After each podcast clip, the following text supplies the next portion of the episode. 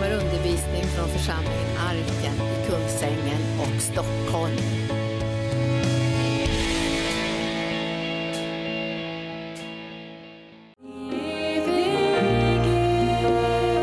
Och bara säg till Jesus, du har ett hjärta som brinner. Låt honom få höra det denna förmiddag.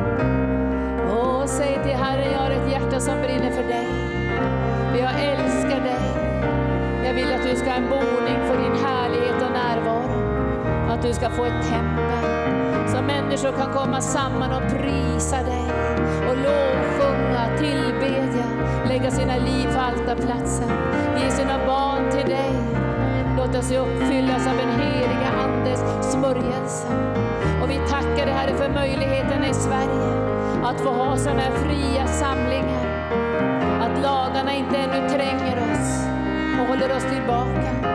Men vi får prisa dig, bygga ditt rike. Och vi ber dig Herre om möjligheten att nå ut med evangelium i alla världar. Och att ingen ska kunna hålla oss tillbaka. För evangelium ska nå alla folk och alla stammar ut över hela världen. Innan du kommer tillbaka på himmelens skyar. Och jag vill tacka dig idag för församlingen, bibelskolan, alla gäster, alla partner, alla faddrar, alla som stödjer arken. Bara fyll deras hjärtan med tacksamhet. Att befrielse och läkedom ska strömma ut till sargade och plågade människor över hela världen. Och vi bereder den här platsen för dig Herre. Och du ska kunna uppenbara ditt hjärta, ditt namn och dina ögon. Så välkommen underbara, kärleksfulla Fader. Och välkommen helig Ande. Och välkommen Jesus. Amen. Halleluja, tack Jesus. Tack älskade lovsångare. Det står i Bibeln så här att när Salomo invigde templet så kom det en sån härlighet. Har ni läst istället stället från krönikeboken? Att prästerna inte kunde stå på sina fötter, de föll på sina ansikten på grund av härlighetens närvaro. Och då börjar Herren att tala och säger, på denna plats vill jag uppenbara mitt namn, mitt hjärta och mina ögon. Vi står på helig mark. Och när Moses fick sin kallelse så säger Herren, ta av dig skorna för du står på helig mark. Vi står på helig mark. När, när Joshua skulle inta Jeriko så ser han en jättestor ängel och frågar, är du med oss eller är du med dem? Med våra fiender alltså. Och då säger han, nej, du måste förstå vem jag är. Han var liksom överängel för Herrens här och så säger han, ta av dig skorna för du står på helig mark. Idag är vi på helig mark. Vi, vi står inför Herren, den här platsen har vi berett för Herren att den ska få vara helig mark. Och jag, känner, jag vill att ni ska sträcka ut era händer till, mot mig, för jag känner att jag har stigit upp tidigt i morse, för jag kände att det var viktiga ord jag ville ge.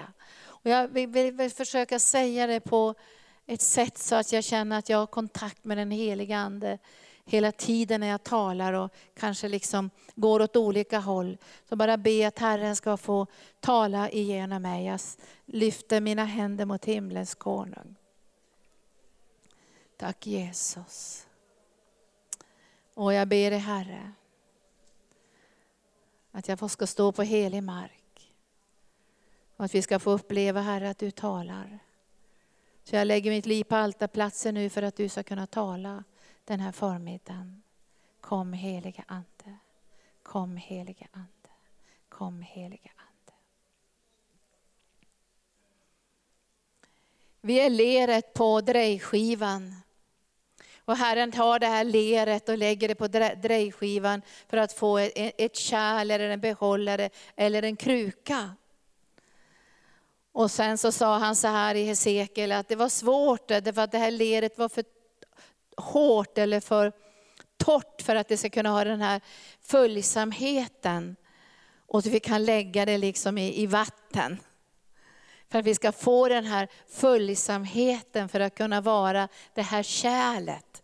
En gudstjänst kan ju formas på olika sätt. Och det kan vi se i många i församlingar och olika uttryckssätt för gudstjänsten. Men det allra viktigaste är att Guds närvaro får uppenbaras. Att det blir en plats för Guds närvaro. Att han får uppenbara sitt hjärta, sitt namn och sina ögon.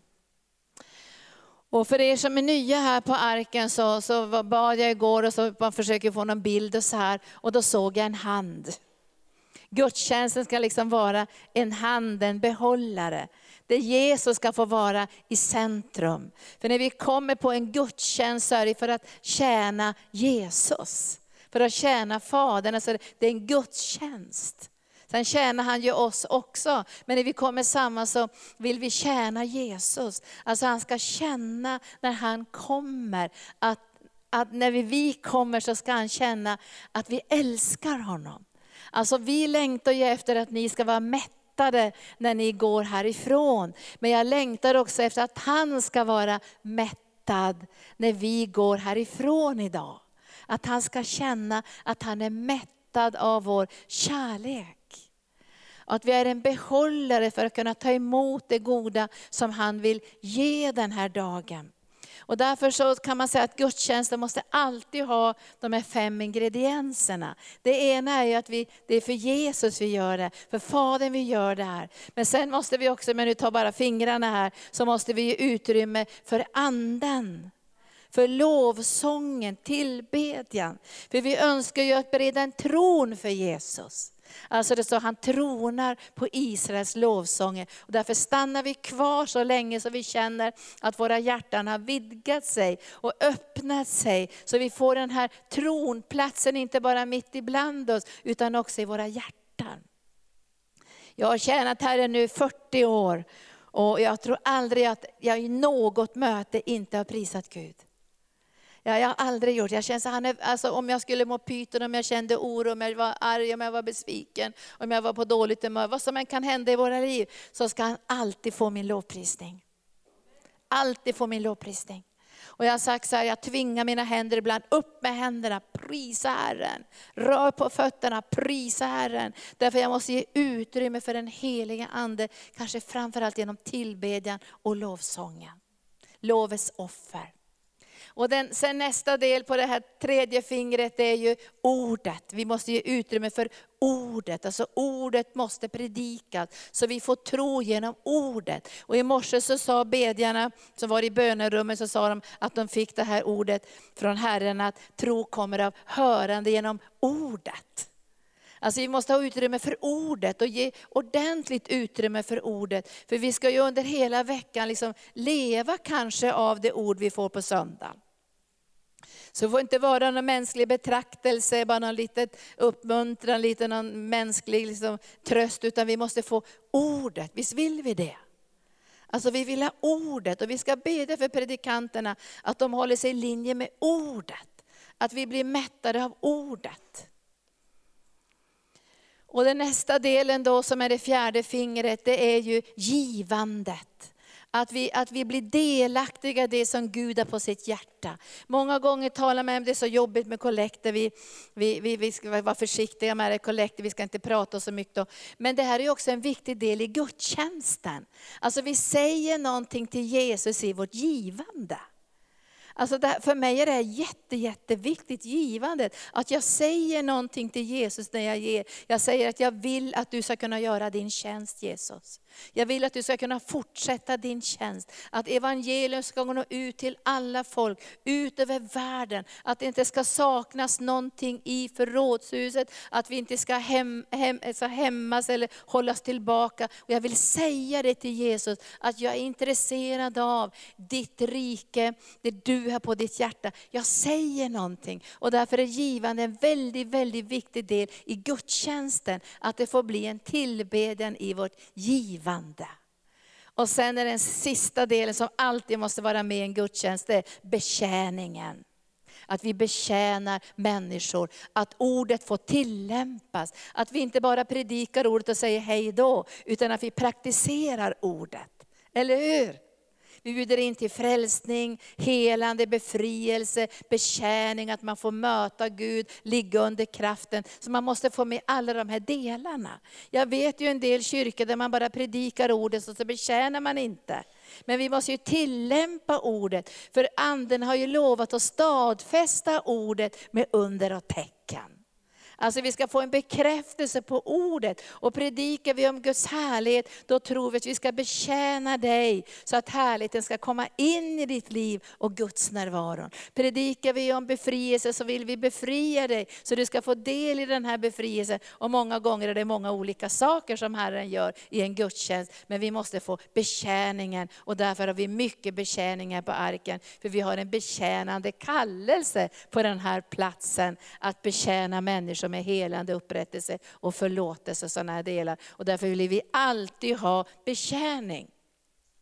Det är inte alltid man känner att man behöver betjäning och då kan man gå före och fika i, i, i i kaféet. Därför att den här betjäningen handlar ju också om att vi bryr oss om varandra, vi älskar varandra, vi tar tid för varandra. Och det uttrycker sig också sen i kafeterian då vi fikar och pratar och det uttrycker sig i hemgrupperna sen. Alltså den här betjäningen är ju inte bara andlig, den är också en omsorg som vi visar till varandra i livets alla situationer. Och den får ju också en, en praktisk tillämpning såklart.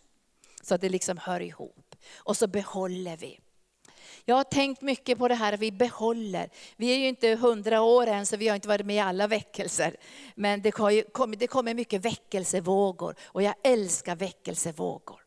Det är som att Gud älskar att låta en våg få komma, så man ska få del i någonting som Gud har. Men ibland säger människor så här, ja nu har väckelsevågorna bara gått förbi och försvunnit. Jag tror att vi kan behålla väckelsevågorna som ett vatten och det vill vi i arken, för vi är en behållare. Vi önskar inte bara att det kommer en våg och försvann, utan vi är en behållare. Så när vågen kommer så försöker vi behålla det här som Gud ger. Vi, vi har inte del i varenda väckelsevåg som kommer över världen, men de väckelsevågor som kommer har vi varit väldigt mån om att vi skulle kunna behålla i arken. Jag har inte varit med i Maranata till exempel, men jag har mött många Maranata-folk och jobbat med många Maranata-folk. Och jag brukar fråga ibland, vad var det som var utmärkande för Maranata-väckelsen? De säger många saker, men så sa de så här, någon till mig så här, det är folkliga. Folkligheten den här folkligheten, man, man, man spelade på instrument som var helt ovanliga i, i tidigare rörelser. Man tog in dragspelet och det var liksom en väldig folklighet i Maranatarörelsen. Och vi önskar att det ska finnas en folklighet, gör vi inte det? Alltså att det ska vara folkligt och avslappnat. Sen kom Jesusväckelsen. Och, och det var, jag var ju med i Jesusväckelsen, fantastiska Jesusfokusering, men också det här som kom med Jesusväckelsen, att försaka allt för att följa Jesus. Den enkla livsstilen, att fokusera på rätt saker, inte materiella och vad vi skulle kunna bygga i vårt privata liv, utan Jesusväckelsen hade ju det här att nu följer vi Jesus och älskar Jesus. Sen kom karismatiska väckelsen, som, som gav, nu ska jag inte säga många saker, jag bara ska säga vad man vill behålla. Karismatiska väckelsen hade man ju nådegåvorna, det vill vi behålla.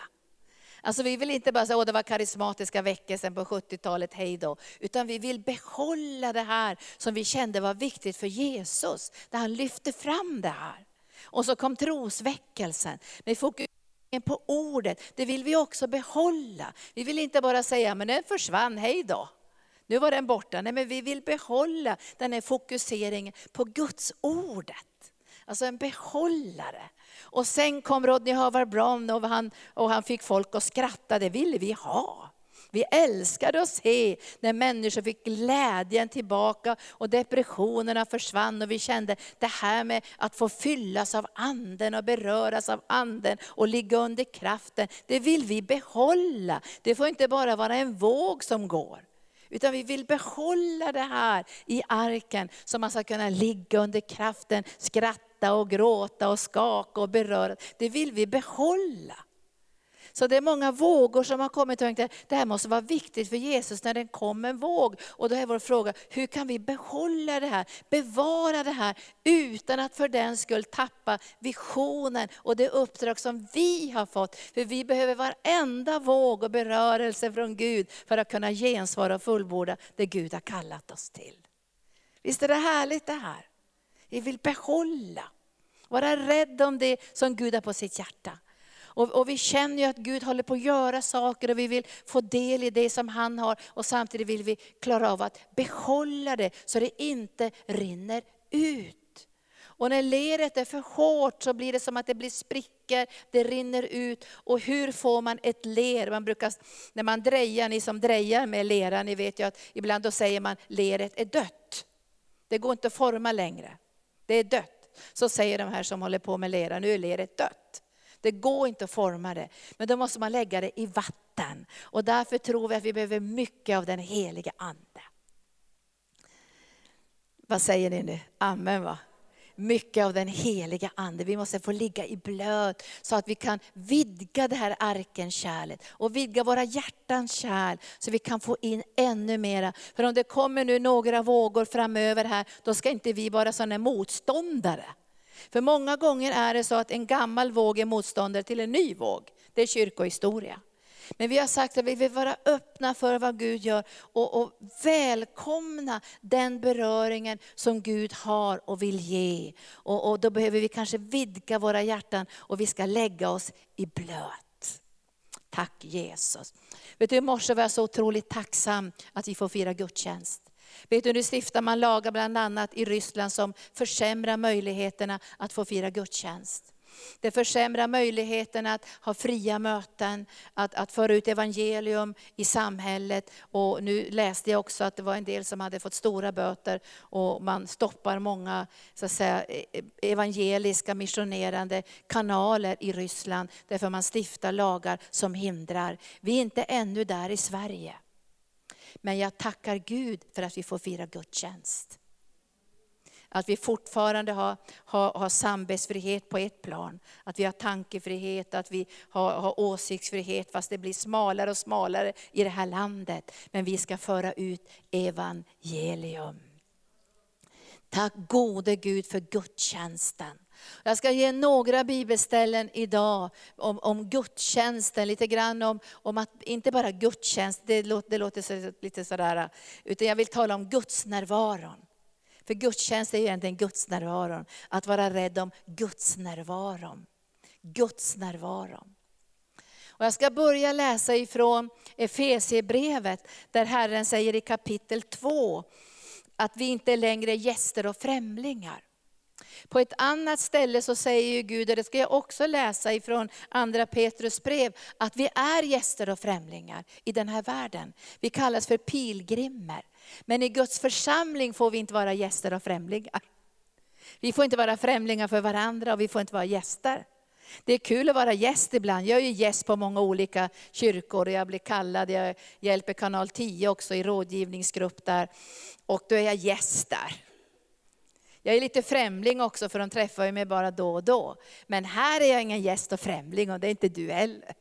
Vi, vi känner varandra, vi står tillsammans. Och Herren han säger så här, i hans församling, inför hans ansikte, där är vi inte gäster och främlingar. Och han säger det i, i 2 och 19. Därför är ni inte längre gäster och främlingar, utan medborgare med de heliga och medlemmar i Guds församling.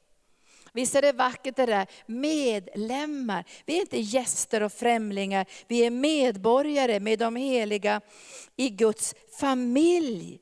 Därför är ni inte längre gäster och främlingar, utan medborgare med de heliga och medlemmar i Guds familj.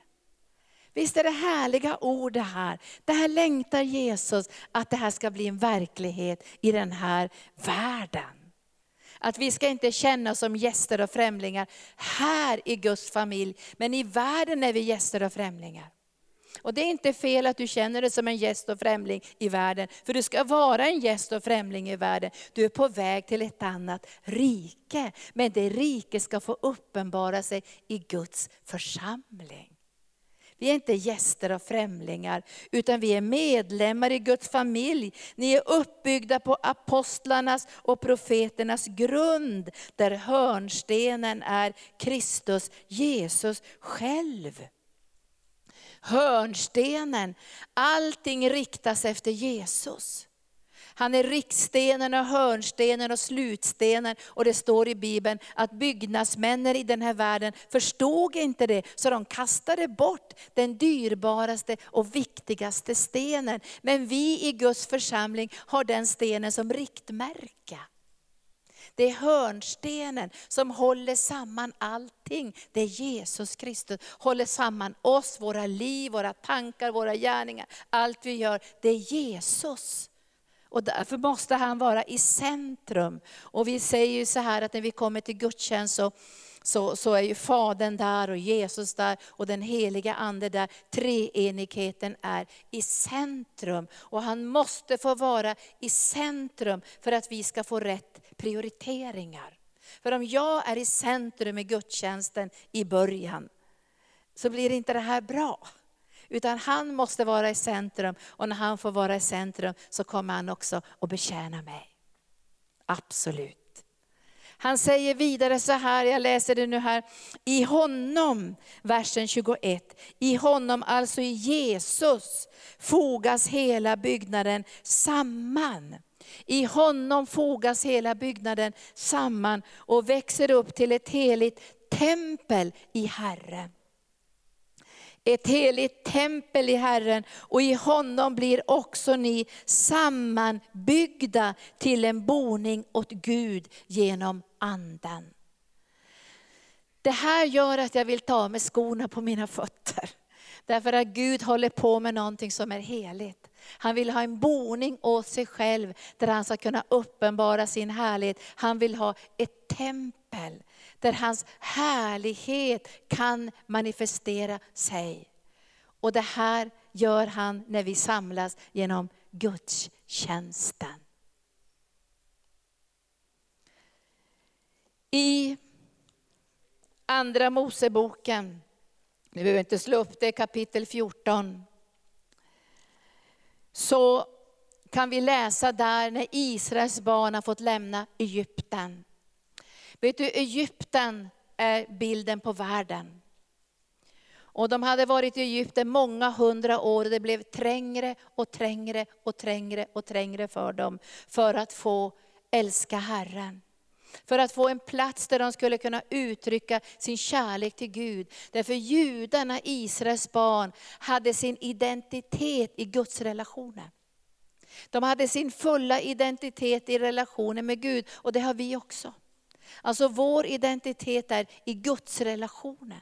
De skulle vara bärare av uppenbarelsen om lagen. De skulle vara bärare av löftet om Messias. Och när de var i Egypten nu så blev det trängre och trängre och trängre och trängre. Och de fick jobba så hårt i Egypten att det gavs inte tid för att de skulle kunna avskilja sig för att prisa Herren och ge utrymme för Guds närvaro. Det kan ni läsa i gamla testamentet. Och det är samma sak idag. Det blir trängre och trängre och trängre i världen. Alltså världen kräver mer och mer och mer av tiden. Och gör att det blir inte mycket tid över för det allra viktigaste. Och Jesus säger ju, många saker är viktiga men det är bara ett som är nödvändigt. Och det säger han till Maria när hon har satt sig vid hans fötter. Och i den här världen blir det trängre och trängre för att vi ska kunna få utrymme för att tjäna den levande guden. Och det är därför som gudstjänsten är det allra viktigaste och centrum av allt. Så när Moses möter eh, farao, kommer ni ihåg vad han säger? Släpp mitt folk. För mitt folk måste ut i öknen och fira gudstjänst. Han sa inte så här, släpp mitt folk så de får komma till löfteslandet som flyter av mjölk och honung. För det var bara en biprodukt. Alltså löfteslandet kom som en, en produkt av Guds relationen. Som en gåva, som en frukt. Men det allra viktigaste var att folket måste ut i öknen och fira gudstjänst. Och göra sig totalt beroende av sin Gud, för de hade förlorat Guds kontakten. Och när, när, när farao blir så trängd, så trängd, så trängd genom de tio plågorna, så säger han till Moses här, nu tänker jag släppa folket, säger han, så de får åka ut till sin Gud i öknen. Och fira gudstjänst i öknen. Farao säger inte att de ska få gå in i löfteslandet som flyter av mjölk och honung. För det hade inte Moses ens pratat om. Han hade sagt, släpp folket så de får fira gudstjänst i öknen. Och så säger farao, nu kan ni gå. Men så ångrar han sig. Och världen kommer alltid att ångra sig. Överallt stiftas nu lagar att barnen ska inte få del i evangelium. Att man inte ska få vittna på gatorna. Att, att man inte ska få ens ha samlingar där människor är närvarande som ännu inte tror. Att det kan bli fängelsedomar. Det hårdnar över hela världen därför att vi går in i den sista tiden och vi ska ge en plats för Jesus. Så han kan uppenbara sin härlighet, en boning och ett tempel åt honom. Därför är gudstjänsten det viktigaste av allt vi gör. Och Jesus säger ju så här till djävulen, det är bara Gud som vi ska tillbedja och tjäna. Och vet ni att lovsången, tillbedjan, gudstjänsten, djävulen försöker ta allting ifrån oss. Så det bara blir lagiskhet och tvång och verksamhet och alltså bara mänskliga aktiviteter. Allt vad vi gör föds fram i gudstjänsten där vi älskar Jesus och ger utrymme för att han ska kunna sammanfoga oss och tala till oss. Men det trycker på i världen, vet ni det? Det hårdnar i världen. Och vi har bestämt oss för att vi tänker betala priset för att Guds härlighet ska kunna nå ut i världen. Vi tänker betala priset för det. Och jag sa så här, men sätt mig i fängelse då. För ska jag lyda människor mer än Gud, det tänker jag inte göra. För Herren vill ha ett tempel. Han vill ha en boning. Han vill uppenbara sin härlighet. För den här världen måste bli frälst.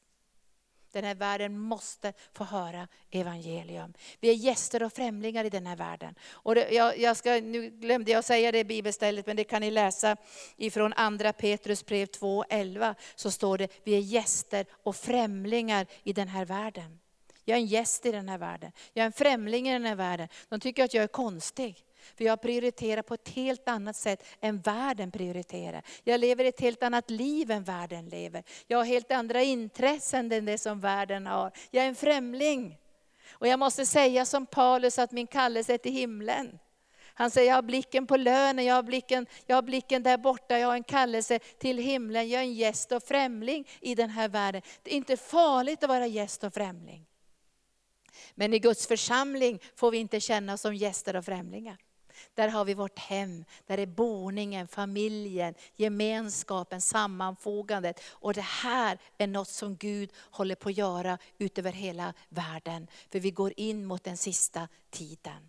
Men vad hände nu med Israels folk? Och jag, jag, du kan, om du vill får du slå upp det, men farao han ångrade ju sig. Han ångrade sig. Och han tog ju med sig stora, så att säga, eh, soldaterna och vagnarna och for iväg mot det här stackars folket som inte hade några, inte hade några vapen. De stod bara där och undrade, hur ska vi göra? Vad ska vi göra? För fienden kom, ni kan tänka er vilken ångest folket måste ha fått när de hörde det här krigslarmet och såg soldaterna, det bara rök och så såg de tusentals soldater med vagnar och vapen som var på väg. Och de hade barn och äldre och de hade med sig alla sina grejer och sina djur. Och så såg de allt det här. Men nu ska vi, nu ska vi bara se vad som händer. Och det, det, det, I kapitel 14 så ska jag bara läsa lite grann vad folket säger. Alltså folket blir ju jätterädda. Och i tionde versen så står det i fjortonde kapitlet, när farao närmade sig lyfte Israels barn blicken och fick se egyptierna som kom tågande efter dem. Och Israels barn blev mycket förskräckta och ropade till Herren. Och de sa till Moses, och nu ska ni höra vad de säger till Moses. Alltså när trycket kommer så blir det lite deppigt faktiskt. Därför när man lyfter blicken, man måste lyfta blicken högre än till omständigheterna. Alltså nu såg de, nu såg de de här krigarna som kom. Men om de hade lyft blicken lite högre, Moses lyfte blicken lite högre. Och jag känner det är så viktigt för oss i denna tid av krig och förtryck och lagar som stiftas som hindrar Guds församling. Att vi lyfter blicken och ser vem vi tjänar. Himlens Gud. Men folket såg ju krigarna och så ska ni, de säger så här då, för de blir lite deppade, så säger de, de säger till Moses så här, fanns det inga gravar i Egypten? Eftersom du har fört oss hit för att dö i öknen. Vad har du gjort mot oss? Varför förde du ut oss ur Egypten? Var det inte, var det, inte det vi sa till dig i Egypten? Vi sa låt oss vara så vi får tjäna egyptierna. Det hade varit bättre för oss att tjäna egyptierna än att dö här i öknen öknen. Visst låter det deppigt det här? Därför de lyfte bara blicken och såg omständigheterna. Visst händer det i våra liv. Jag, jag tänkte jag ska se om, om, om Paulus blev deppig någon gång. Man läser inte mycket om Paulus deppighet, men jag tänker något ställe måste det ju finnas. För han var ju inte Stålmannen Paulus. Och så står det så här, vi var trängda utifrån av konflikter och trängda inifrån av oro. Men Gud som tröstar de modlösa, modlösa. Han var både modlös och trängd. Och så sände Gud en lärjunge för att trösta honom och så fick han modet tillbaka. Och jag, jag ber till Gud så här, alltså nu ser vi vad som händer, alltså jordbävningar. Det är så svårt att ta in den här nöden. När jag stod där i Filippinerna med all nöd som fanns där, då, då ringer telefonen och så säger de, nu är det jordbävning i Nepal. Och vi tror att ert barnhem har rasat. Det var massor med barn. Och vi stod mitt i nöden i Filippinerna. Och jag tänkte, gode hur ska vi lösa det här? Hoppas inte så många har dött. Jag tänkte, vad är det som händer? Men jag tänkte, jag måste lyfta blicken och se på Jesus. Och så visste jag att det var kallt också nu i Nepal. Jättekallt i Nepal i vissa tider. Och barnen fick bo under presenningar. Och flera av barnens anhöriga hade dött då. Ja, det, det, var bara nöd. Jag tänkte jag måste lyfta blicken, jag måste lyfta blicken. Inte så att omständigheterna tar över, jag måste lyfta blicken lite högre. Och jag säger tack Jesus för att Moses hade tagit av sig skorna. Men du vet, förut så bråkade han ju och dödade en egyptier. Då var han i köttet. Men nu var det 40 år som han fick vandra omkring och när han fick kallelsen så sa Gud, ta av dig skorna. Så Moses han visste, nu måste jag lyfta blicken. Och så säger Moses, jag tycker han är så härlig, det ska bli kul att dricka kaffe med Moses. Han säger så här, var inte rädda säger han. Vilken typ! Vi är jätteskraja. Egyptierna kommer med vagnar och hästar och vapen. Så säger, var inte rädda. Man blir bara arg på honom. Vadå inte rädda? Vi är alla rädda redan. Var inte rädda, säger han. Stanna upp och bevittna den frälsning som Herren idag ska ge er. Alltså vilken tro han talar. För han har lyft blicken. Stanna kvar och bevittna. Spring inte och göm er nu, nu ska ni få se. Och så händer det här märkliga att Herrens härlighet flyttar sig. Ni kan läsa det i Bibeln. Herrens härlighet flyttar sig så att Herrens härlighet blir mörker mot egyptierna och ljus mot folket, som en mur. Visst är det häftigt? Så egyptierna de ser inte Israels folk, för det blir ett mörker mot egyptierna, men mot Herrens folk är det eld och Guds närvaro. Det är därför som Moses säger, var inte rädda. För vad har han i handen för någonting? Kommer ni ihåg vad Moses har i handen? En stav. Gubben har en stav i handen. Gubben Noa, gubben Noa var en hedersman. Men man kan säga gubben Moses också. De, han hade ju ingenting. Han hade en stor Gud hade en väldigt stor Gud. Och så sa han, nu ska ni få bevittna. Nu ska ni få titta, nu ska ni få vara med. När Herren bevittnar med frälsning som han idag ska ge er. Så som ni ser egyptierna idag ska ni aldrig någonsin se dem. För Herren ska strida för er och ni ska hålla er stilla. Herren ska strida för er. Det ger oss och oss idag trygghet i hjärtat. Fienden kommer att mullra, lagar kommer att stiftas. Vi kanske inte ens får vittna, vi kanske inte får utrymme för Jesus i, i skola och omsorg, medan andra krafter kommer i rörelse. Vi kanske, vi kanske inte får vittna på gatorna, vi kanske inte får dela vår tro. Alltså det kommer att bli trängre och trängre. Men Herren säger, var inte rädda. Idag ska ni få bevittna. Och det som händer är att hela Egyptens här om intet görs. Men först måste någonting hända. Han stillar folket, han lyfter deras blick, var inte rädda. Vi måste säga det här till människor, var inte rädda. Gud är med oss. Han har omsorg om oss. Nu ser det ut som gräsligt alltså. Men det var ju tack och lov så gick inte vårt barnhem föll inte vårt barnhem ihop. Det blev bara sprickor på själva huset och vi klarade det så vi kunde använda det igen. Men man känner vi måste lyfta blicken och så säga, var inte rädda. Ni ska få bevittna idag. Men så måste Moses göra någonting. Alltså det här måste göra någonting. Och jag vädjar till mig själv och till er att vi, att vi tar det, alltså vi, vi sträcker ut vår hand i tro på Gud.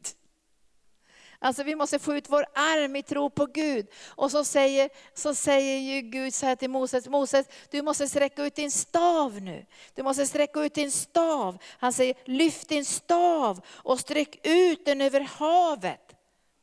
Och så säger han något som jag tycker Moses borde ha blivit arg nästan. Hör vad han säger. Lyft din stav och sträck ut handen, säger han i 16 versen, över havet och klyv det. Alltså det kan man väl inte göra. Lyft din arm och räck ut din stav och klyv havet. Jag tycker bara att det skulle se löjligt ut. Här står han med sin stav håller den ut över havet och säger, klyv havet. Men vet du att han klyvde havet i tro? Han gjorde det i tro. Han visste ju att det inte var den här staven, han kunde ha gått fram och slagit på vattnet, det hade säkert inte hänt någonting. Men för Gud sa inte det, han sa lyft din stav, håll ut den i tro på det som jag säger. Och vi behöver lyfta våran stav tillsammans. Vad säger ni om det? Alltså vi lyfter vår stav och det går ju inte där. Hur ska vi kunna klyva vattnet? Men så står det att en östanvind började blåsa. En vind började blåsa. Så när han höll ut de här staven, löftesorden, Guds omsorg, vi ska över på andra sidan. Då började det att blåsa en östanvind och det står, och det höll ju Gud tillbaka fienden. Så att de kunde inte komma och slå Israels folk, utan det var i mörker mot dem. Men då står det så här att att han, det står, då står det så här att en stark östanvind blåste hela natten i 21 versen och han gjorde havet till torr mark och vattnet klövs i tu och Israels barn gick rakt genom havet på torr mark medan vattnet stod som en mur till höger och vänster om dem och egyptierna förföljde dem och alla faraos hästar och vagnar och ryttare och kom efter ut till dem till mitten av havet. Sen slog havet igen över dem. Satan blev besegrad, för Egypten är en bild på mörkrets makter. Gud ska bereda en utväg. Men tänk om Moses hade sagt sig, jag orkar inte hålla ut någon stav, jag tror inte på det här, det blir ingenting. Vi ställer oss bara deppar här får vi se vad Gud gör. Utan Gud gjorde honom delaktig, alltså det hände någonting i folkets hjärtan. Och vi behöver tala ut Guds ord över omständigheterna, så Herren kan sända sin ande. Om ingen håller ut sin stav eller talar Guds ord och Guds lösningar, så är det svårt för Gud att sända sin ande. Därför att ordet och anden måste flöda samman. Därför är Guds ord så viktigt. Jag ska avsluta idag med, med Paulus. Jag, jag har tänkt mycket, mycket på Paulus, hur han bevarar Guds närvaron. Alltså det är Guds närvaron som är det allra viktigaste för Paulus.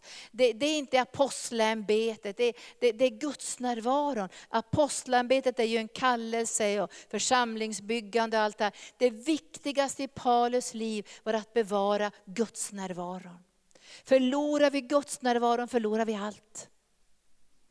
Och därför var det det viktigaste av viktigaste av viktigaste var Guds närvaron. Och när man läser om Paulus så är det det som är det dyrbaraste av dyrbaraste. Jag, jag kan, ni kan läsa själva sen, men i Apostlagärningarna 9, kommer ni ihåg vad som hände där? Han mötte Jesus på Damaskusvägen. De andra ser, hör inte rösten, de bara känner att det är någonting. De ser ljuset men de hör inte rösten. Men där förvandlas Paulus liv och han får en Guds närvaro och blir aldrig densamma igen. Och han får löftesorden från Gud att han ska få höra Guds röst. Han ska få se den rättfärdige. Han ska få vara ett vittne. Och han får också att han ska lida mycket för evangeliets skull. Men han får en Guds närvaro. För han frågar så här, vem är du Herre? Och då svarar rösten, det är jag Jesus.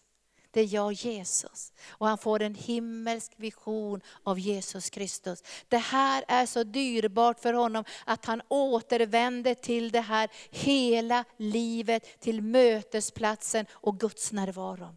I allt han gör, i allt han säger, i alla prövningar, i alla utmaningar, så återvänder han till uppenbarelseplatsen där han mötte Jesus.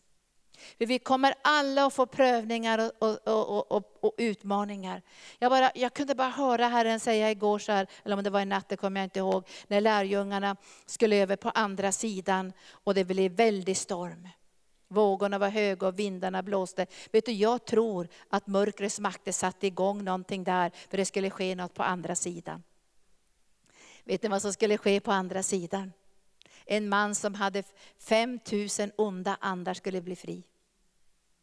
En man som var bunden av onda andar skulle bli ett vittnesbörd om helande från ondska. Det var den här mannen som hade rivit sig med stenarna och, och, och hade en övernaturlig demonisk kraft. Det skulle bli en befrielsesmörjelse som inget öga hade sett tidigare. Inte undra på att djävulen var vred.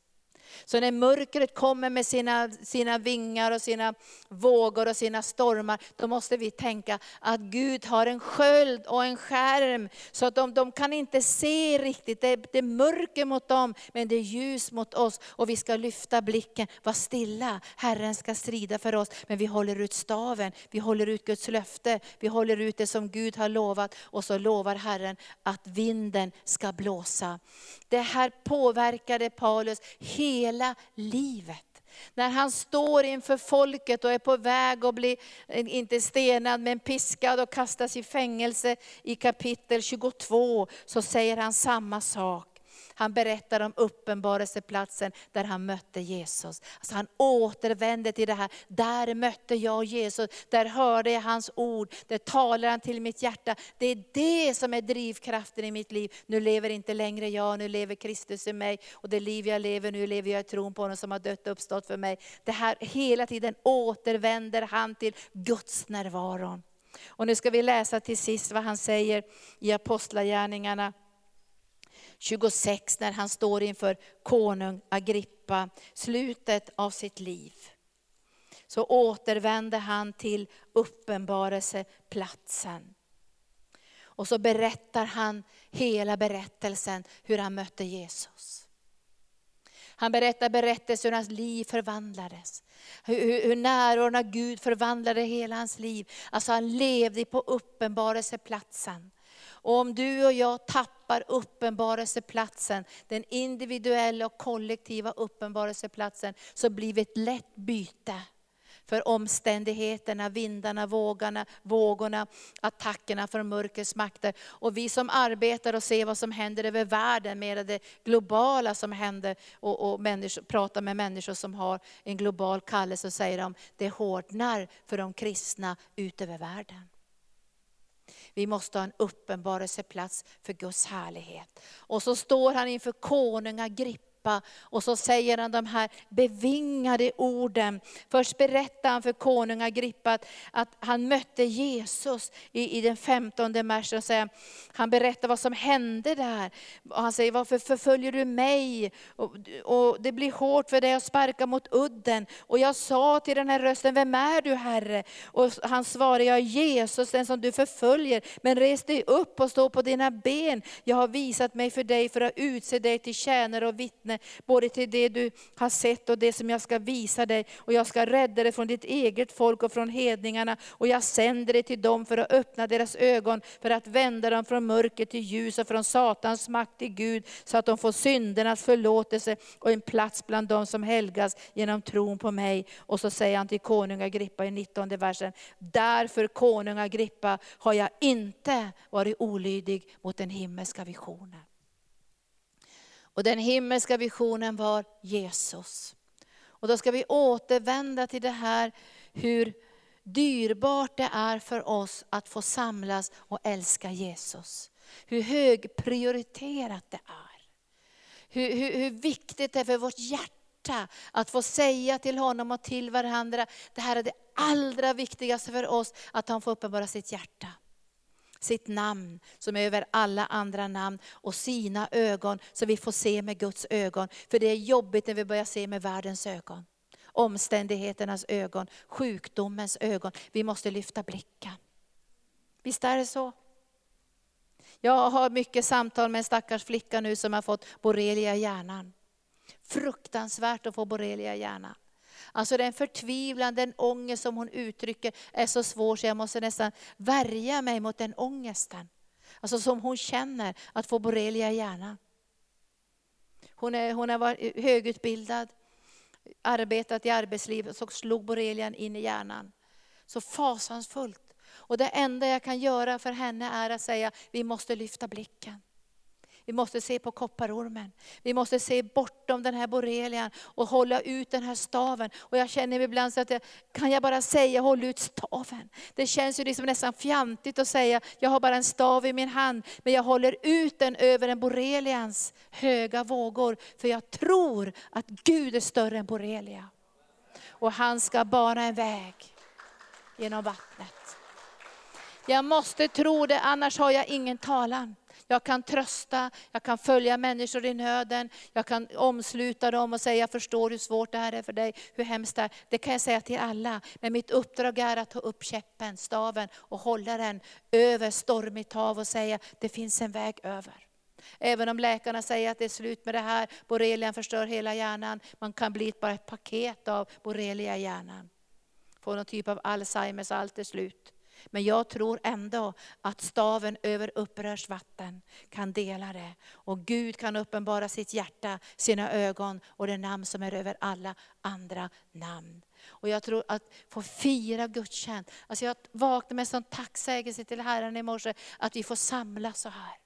Tänk när det var konvertikelplakatet när man inte fick samlas i hemmen, när det var, man fick inte ha frikyrklighet. Alltså man, fick, man, man förföljde människor som började tro på troendedopet. Och så har vi fått den här friheten i vårt land. Men den här friheten kan snart vara över. Men vi ska bereda en plats för Herren, där han ska uppenbara sin härlighet. Och den härligheten ska vi bära med oss sen i arbetslivet. I alla världar ska vi uppenbara Herrens härlighet. Och vi behöver den styrkan tillsammans som Guds folk, så vi vågar gå med uppenbarelsen om Jesus, kungarnas kung och herrarnas herre, som har vunnit seger över döden, helvetet och trampat djävulen och alla sjukdomarna under sina fötter. Vad har du i din hand? En liten stav har jag i min hand, men när jag sträcker ut den så representerar jag Guds härlighet. Du har en stav i din hand, du har Guds ord i din hand och du kan hålla den över stormigt vatten. Och Herrens härlighet kommer att uppenbara sig genom våra liv och i vår mitt. Lovsångare, vi ska tillbedja Herren nu en stund och jag ska, det jag känner är, det är tiden det står i Bibeln så här, redeem the time. För denna, alltså, fånga tiden eller ta tag i tiden, för denna tid är ond. Och du som arbetar på en vanlig arbetsplats, du måste veta att Egypten kommer att lägga på dig extra bördor, för att du inte ska hinna med det viktigaste av viktigaste i ditt liv. Alltså du måste fånga tiden. Du måste ropa till Gud att, du ska få, att det ska bli en fristad för gudstjänsten i ditt liv. Att du ska inte behöva ta de passen som gör att du inte kan fira gudstjänst. Alltså du måste bereda utrymme i anden för det viktigaste av det viktigaste. För annars tas det ifrån oss av omständigheterna. Och jag läste rapporter nu om gudstjänstfirande i, i olika kyrkor. Och det blir mindre och mindre och mindre och människor prioriterar inte. Och de visar, jag tror det var Dagen eller Världen idag, i en Lutherkyrka så satt en liten tant ensam i kyrkan. Därför att världen drar, Egypten suger. Och därför var folket tvunget att gå till Gilgal för att avvältra sig Egyptens smälek. För de var ett folk som skulle prisa Gud. De var ett folk som hade sin identitet i Guds relationer. Så nu är vi här idag och vi behöver ta auktoritet över tiden. så den inte stjäls ifrån oss. Och vi brukar säga så här, när Gud får helga tiden så klarar vi att göra mer saker på kortare tid. Tror ni det? Visst har ni märkt det någon gång? När man har helgat tiden så blir det som ett koncentrerat innehåll. Man blir inte bestulen på tiden. Jag har blivit mycket bestulen på tiden. Alltså, det händer saker som gör att man inte kan genomföra sakerna för att det kommer krafter in som skäl och stressar och bryter ner och det blir jobbigt och man känner att det tar över. Men vi ska lyfta blicken och vi ska be nu att vi ska få helga vår tid.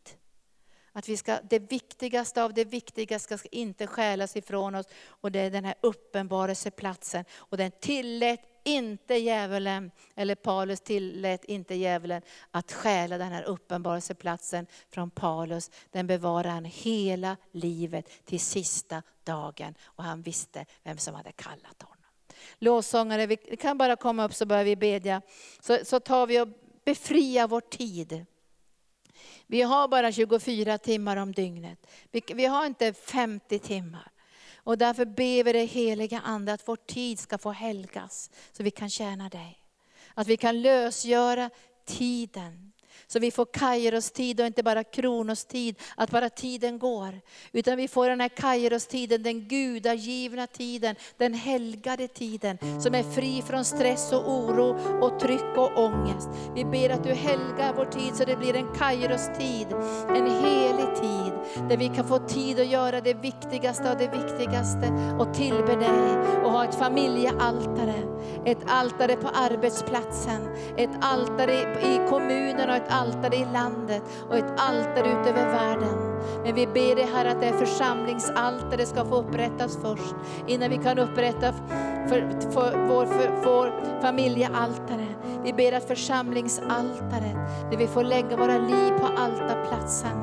Och vi ber att det är familjealtaret och arbetsplatsaltaret och kommunens altare och för folken och nationerna. Att vi ska få bereda de här altarna som vi hörde Suzette Hetting dela till oss i somras. Så ber vi dig heliga Ande att du andas på vår tid nu och lösgör från all stress och all ångest, all tryck och all oro. Att vi får se att det är en Kairos tid, att vi ska få tid för det allra viktigaste. Att låta din härlighet och din närvaro genomströmma allt vi gör. Att vi kan stanna upp på sjätte steget och bara inbjuda din härlighet och din närvaro. Så kom nu heliga Ande. Och vi vill inte ha kronostiden som är bestulen. Vi vill också ha en bra kronostid där dagarna går, ska ha innehåll. Men vi ber att Kairos-tiden, den gudagivna tiden, himmelens tid in i, in i den här begränsade världen, så kom heliga Ande så vi kan fira gudstjänst, så vi kan påverka politiken, så vi kan påverka i samhället, så vi kan göra en insats i den här världen. Men vi ber Herre att gudstjänsten ska vara fylld av din närvaro, fylld av din härlighet fylld av din smörjelse. Att vi aldrig någonsin tappar bort att det är du som har kallat oss. Det är du som har fört oss samman. Det är du som har format oss till ett heligt tempel och en boning för din härlighet. Och vi låter oss infogas så vi kan bli en boning för dig. Där vi kan bli ett tempel åt din härlighet. Och vi ger oss till dig idag och vi överlåter oss till dig. Och jag vill särskilt be för söndagsgudstjänsten idag, att vi ska kunna samla ditt folk. Villigt kommer ditt folk. När du samlar din här, villigt kommer din unga skara i morgonrodnaden. Och jag tackar dig Herre, för att din härlighet och din närvaro ska fylla de här gudstjänsterna, så vi kan hämta ny styrka för morgondagen. Hämta ny styrka för arbetsplatsen för familjelivet, för utmaningar, attacker och sjukdomar. Vi vet Herre att vi får lyfta blicken idag och skåda Herre. Han ska om inte göra Egyptens armé. Han ska om inte göra fiendens planer. Han ska bryta sönder oken, de sataniska oken. Och vi ska över till andra sidan, torrskodda. Kom heliga Ande och uppmuntra mina syskon. Bara uppmuntra dem med din kärlek idag. Bara uppmuntra dem så de får lyfta blicken och se bortom Egypternas vagnar och hästar och se konungarnas konung. För Herren säger till, till Elias tjänare, Öppna hans ögon, Herre, så han får se hur det ser ut i andevärlden. Och tjänarens ögon öppnades och han såg att hela himlen var fylld med änglar och hästar och vagnar av eld. Och så säger profeten att de som är med oss är fler än de som är emot oss. Så fyll våra hjärtan idag med förtröstan och vila. Herren ska strida för oss och vi ska vara stilla där vi Herren ska strida för oss och vi ska vara stilla därvid. Och nu stillar vi våra hjärtan och så lyfter vi blicken och ser rakt in i konungens ögon och i konungens hjärta och i konungens namn. Och vi fångar tiden. Vi fångar tiden. Vi ska fullborda vårt lopp, vi ska bevara vår tro. Vi fångar tiden. Den ska inte glida ur våra händer, den ska inte stjälas ifrån oss. Vi ska inte låta världen och köttet och Egypten stjäla det dyrbaraste och viktigaste som han gjorde med Israels barn. Men du lösgjorde dem och gav dem ett land som flöt av mjölk och honung. Och församlingen är landet som flyter av mjölk och honung. Bara fånga tiden. Lyft din arbetsplats nu inför Herren. Lyft din arbetsplats. Vi lyfter arbetsplatserna inför dig nu Herre. Och vi ber att Kairos-tiden och Kronos-tiden ska mötas. Att vi ska kunna göra maximalt för dig under dagens timmar. Att vi inte ska bli bestulna på vår tid. Så kom heliga Ande och berör var och en nu som är på en arbetsplats. Som finns här på den här platsen idag och som ser oss via internet. Bara fyll dem med din Ande idag, fyll dem med din Ande idag. Så de ska känna att de kan göra ett bra dagsverke när veckan kommer utan stress och utan oro. För Herren ska strida för oss och vi ska vara stilla därvid. Kom heliga Ande, kom heliga Ande, kom heliga Ande, kom heliga Ande.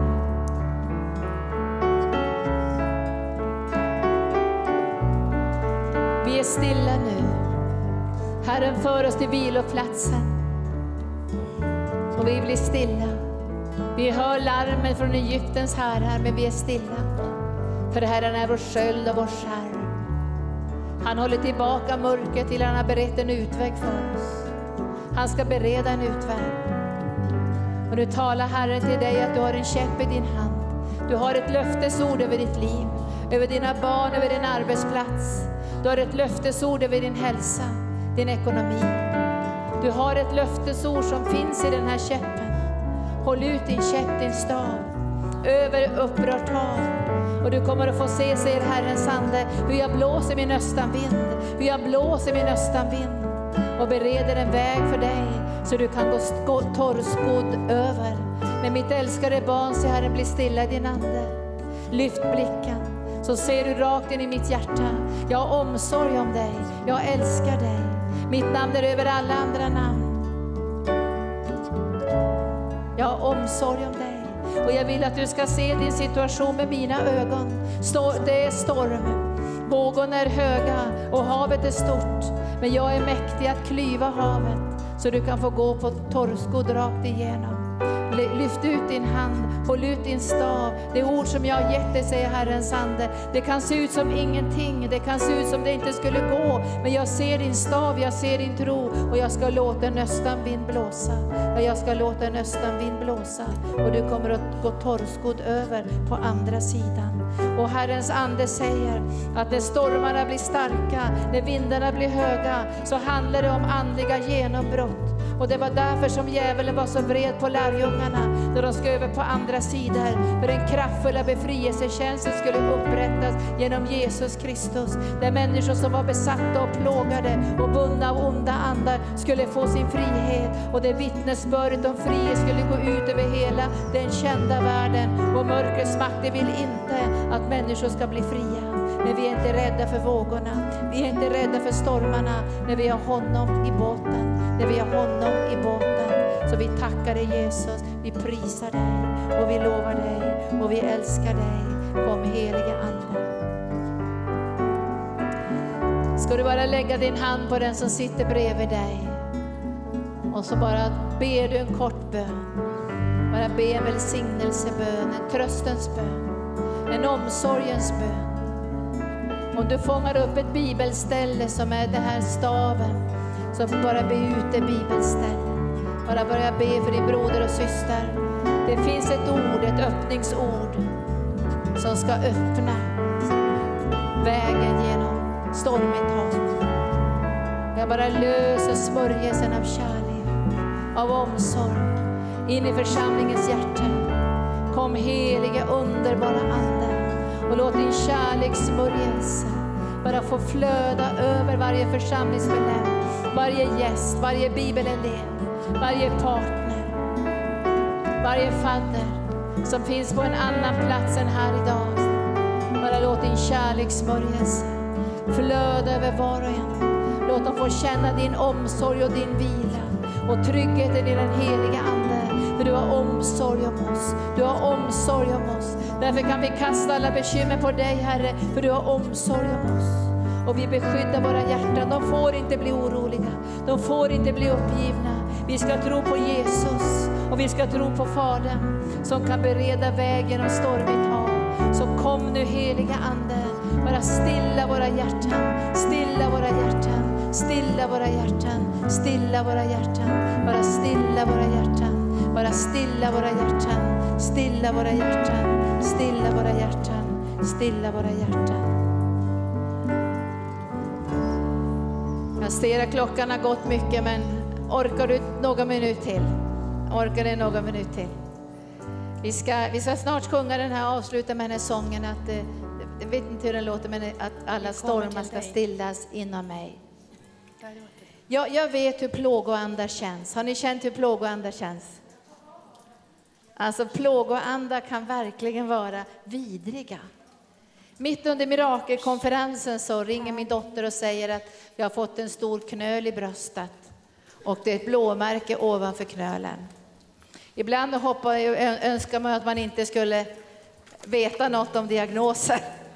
Men jag visste att den cancerformen är den absolut farligaste bröstcancern och den har allra sämst prognos av alla cancerdiagnoser. Det här var under mitt under mirakelkonferensen. Min dotter var i Skåne. Då frågade jag Herren, vad säger du om det här? Då kom en väldigt stilla röst och sa, det här är ingenting farligt, bara var lugn och lämna det här till mig. Ibland så tror vi att den här stilla rösten, det är bara en främling, så vad är det för konstig stilla röst? För Gud skriker ju inte, det bara rann upp så här stilla. Och så skulle hon undersökas då i Skåne och så kom hon till en läkare där och den här läkaren tittade på det där. Det var ingen, det var ingen specialist då, utan det var bara på en vårdcentral som hon fick direkt en tid. Och så tittade läkaren på det här och så sa, varför, varför har du väntat så länge?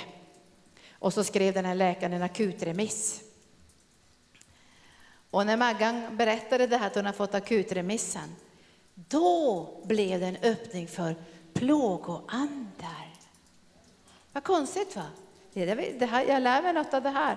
Så jag, då, då, då, glömde jag bort att lyfta blicken och så tänkte jag, men vad var det du sa? Du sa att det här var inget farligt. Men nu skickar de akutremiss. Och då kom plågoandarna. Då började de liksom härja i mitt sinne och slå emot mig. Och mitt under lovsången så, hon kommer att dö. Hur ska det gå med barnbarn? Hon kommer att dö. Finns en dålig prognos, hon kommer att dö. Och det slogs av plågoandar. Och jag tänkte, hur står man emot de här plågoandarna? För jag ska ju stjäla vår andra. För det första så måste jag tänka, det finns en sköld, det finns en skärm mot mörkret. Så jag sa så att nu ställer jag mig anden här emot dig Satan som en sköld. Och jag säger, jag säger så nu stoppar jag dig i Jesu namn. Jag bara stoppar de här plågoandarna. Och de försökte ju komma så jag fick hålla upp skölden flera gånger så här. Och pilarna ven liksom. Och speciellt under mirakelkonferensen när jag ska leda möten och halleluja och plågoandarna och rösterna. Har ni hört om de rösterna? Det kommer att gå dåligt där. Hon kommer att dö. Det blir jobbig död och, och det kommer inte finnas någon behandling. Kommer för, att ni vet det här. Har ni hört det förut? Men jag fick gå tillbaka till den där första rösten som var så där snäll det här är ingenting farligt, men den rösten vill man knappt tro på när, när plågoandarna börjar komma. Jag fick lyfta blicken där. Och hon fick ju då eh, akutremissen och det var ju bröstcenter och det var ju alla de här grejerna som man måste göra, punkteringarna och mammografin och biopsi och allt sådana där grejer. Och då sa de precis det som jag hörde. Så sa de så här, det var ju en knöl och så här, men det var ingenting farligt. Det var ingenting farligt. Men mörkret fick mig i obalans.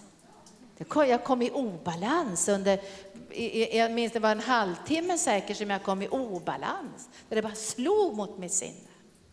Och därför ska vi bedja nu att vi ska få nåd att lyfta blicken. För när Gud talar så verkar han så snäll. Alltså han skriker inte, det här kommer gå bra. Det, det, det blir mera sådär lugnt och stillsamt. Man skulle önska att Gud skriker så här man vaknar till sådär. Det rinner liksom bara upp så det är stilla. Varför är det så svårt att höra på den rösten? Moses säger, var inte rädda, det är bara, man blir bara arg. Var inte rädda, men fienden kommer ju. Stilla, nu ska ni få se hur fienden blir besegrad. Och, och var stilla nu, för Herren ska strida för er. Det är väl lättare sagt än gjort. Men vi lyfter blicken och vi ska träna oss i det här. Och tack gode Gud för att Moses lyfte blicken. Tänk om han hade gått i spagat kastat sig i vågorna och försökt att simma i, i Röda havet och alla hade drunknat och kossorna hade drunknat och, och hade skrikit. Det hade blivit kalabalik. Men tack gode Gud att han lyfte blicken.